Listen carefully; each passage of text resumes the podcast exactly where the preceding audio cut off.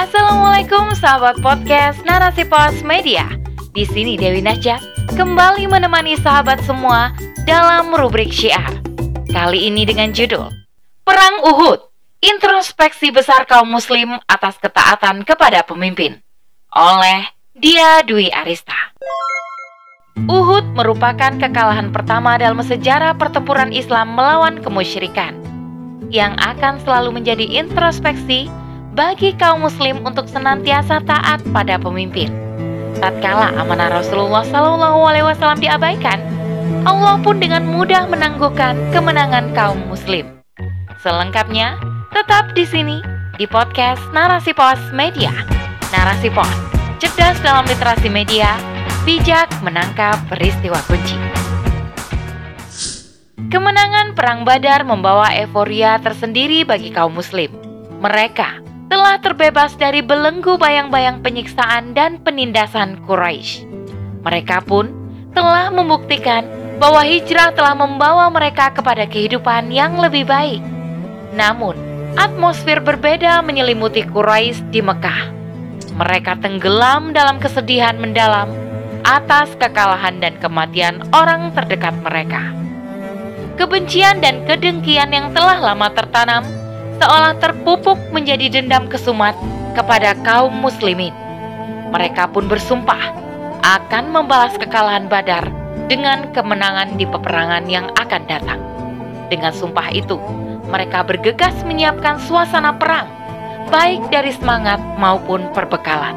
Kaum muslim yang baru mendapat kabar persiapan Quraisy pun segera berunding, maju atau tetap di tempat dan menunggu keputusan diambil dalam waktu singkat bahwa kaum muslimin akan maju menyongsong Quraisy dalam pertempuran.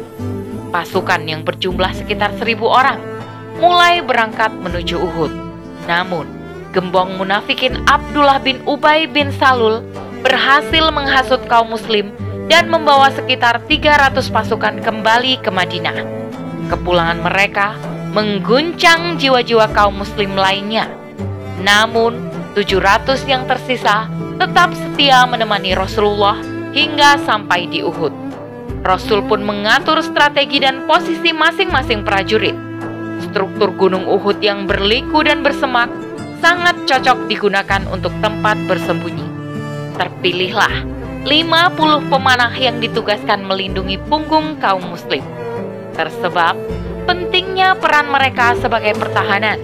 Rasulullah berulang kali mengingatkan kepada para pemanah untuk tetap di posisi meski apa pun yang terjadi. Beliau mengulang-ulang peringatan tersebut kepada para pemanah. Quraisy dengan persiapan matang dan pasukan berjumlah sekitar 3000 telah datang dan menantang. Duel personal pun tak terelakkan. Kemenangan kaum muslim nyata di depan netra. Dalam duel ini, Berturut-turut kaum muslim dapat mengalahkan sembilan prajurit yang membawa panji Quraisy. Kemudian, panji tersebut tergeletak tak berdaya di atas tanah. Pertempuran yang sesungguhnya pun segera berkecamuk. Tombak dan panah yang berterbangan mencari sasaran, pedang berkelibat bak cahaya menebas musuh tanpa ampun. Kaum muslim menunjukkan bahwa jumlah bukanlah faktor kemenangan namun keimanan yang memuncaklah yang akhirnya menjadi penolong mereka dalam meraih kemenangan.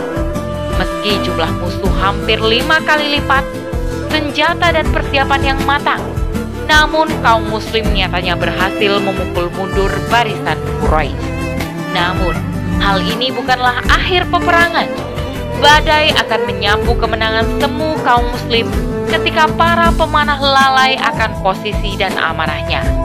Iya, melihat kekalahan Quraisy dan kemenangan kaum muslim, para pemanah lalai dan melupakan tugas pokok juga peringatan Rasulullah Shallallahu Alaihi Wasallam kepada mereka. Melihat wanimah yang jadi rebutan, para pemanah pun dengan gusar segera turun bersegera mengambil ghanimah yang tercecer hingga menyisakan 10 pemanah yang masih setia dengan amanah Rasulullah. Khalid bin Walid yang mempunyai mata setajam elang pun telah lama mengamati. Ketika melihat pasukan pemanah yang berlarian meninggalkan pos mereka, ia segera memutari gunung menunjukkan serangan kejutan bagi kaum muslim. Pun dengan Ikrimah bin Abu Jahal, ia segera memacu kudanya memberi komando untuk menyerang para pemanah yang tersisa. Sungguh, inilah akhir dari kisah kemenangan Badar bagi kaum muslim.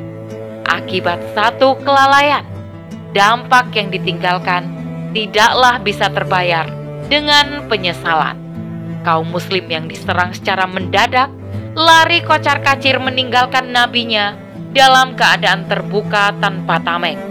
Hanya segelintir sahabat yang setia berada di sisi Nabi.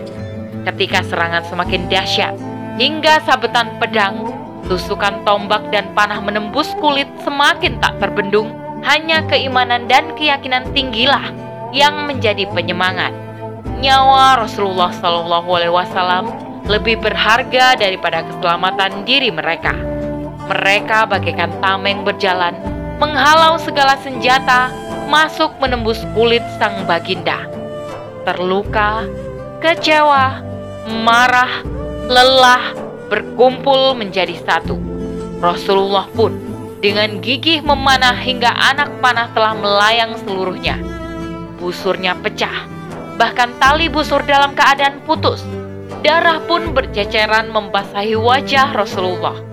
Kaum muslimin pun segera mundur dan menyelamatkan diri.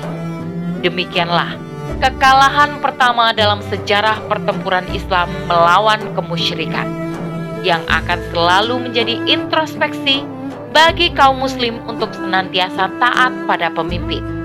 Sungguh, Uhud adalah isyarat Allah Subhanahu wa taala untuk mengajarkan bahwa kemenangan datangnya dari Allah Subhanahu wa taala.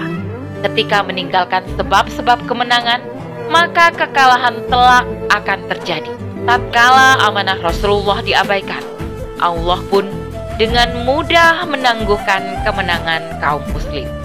Wallahu alam bisawab. Demikianlah rubrik syiar kali ini. Semoga menjadi pembelajaran bagi diri. Saya Dewi Najak undur diri. Assalamualaikum warahmatullahi wabarakatuh.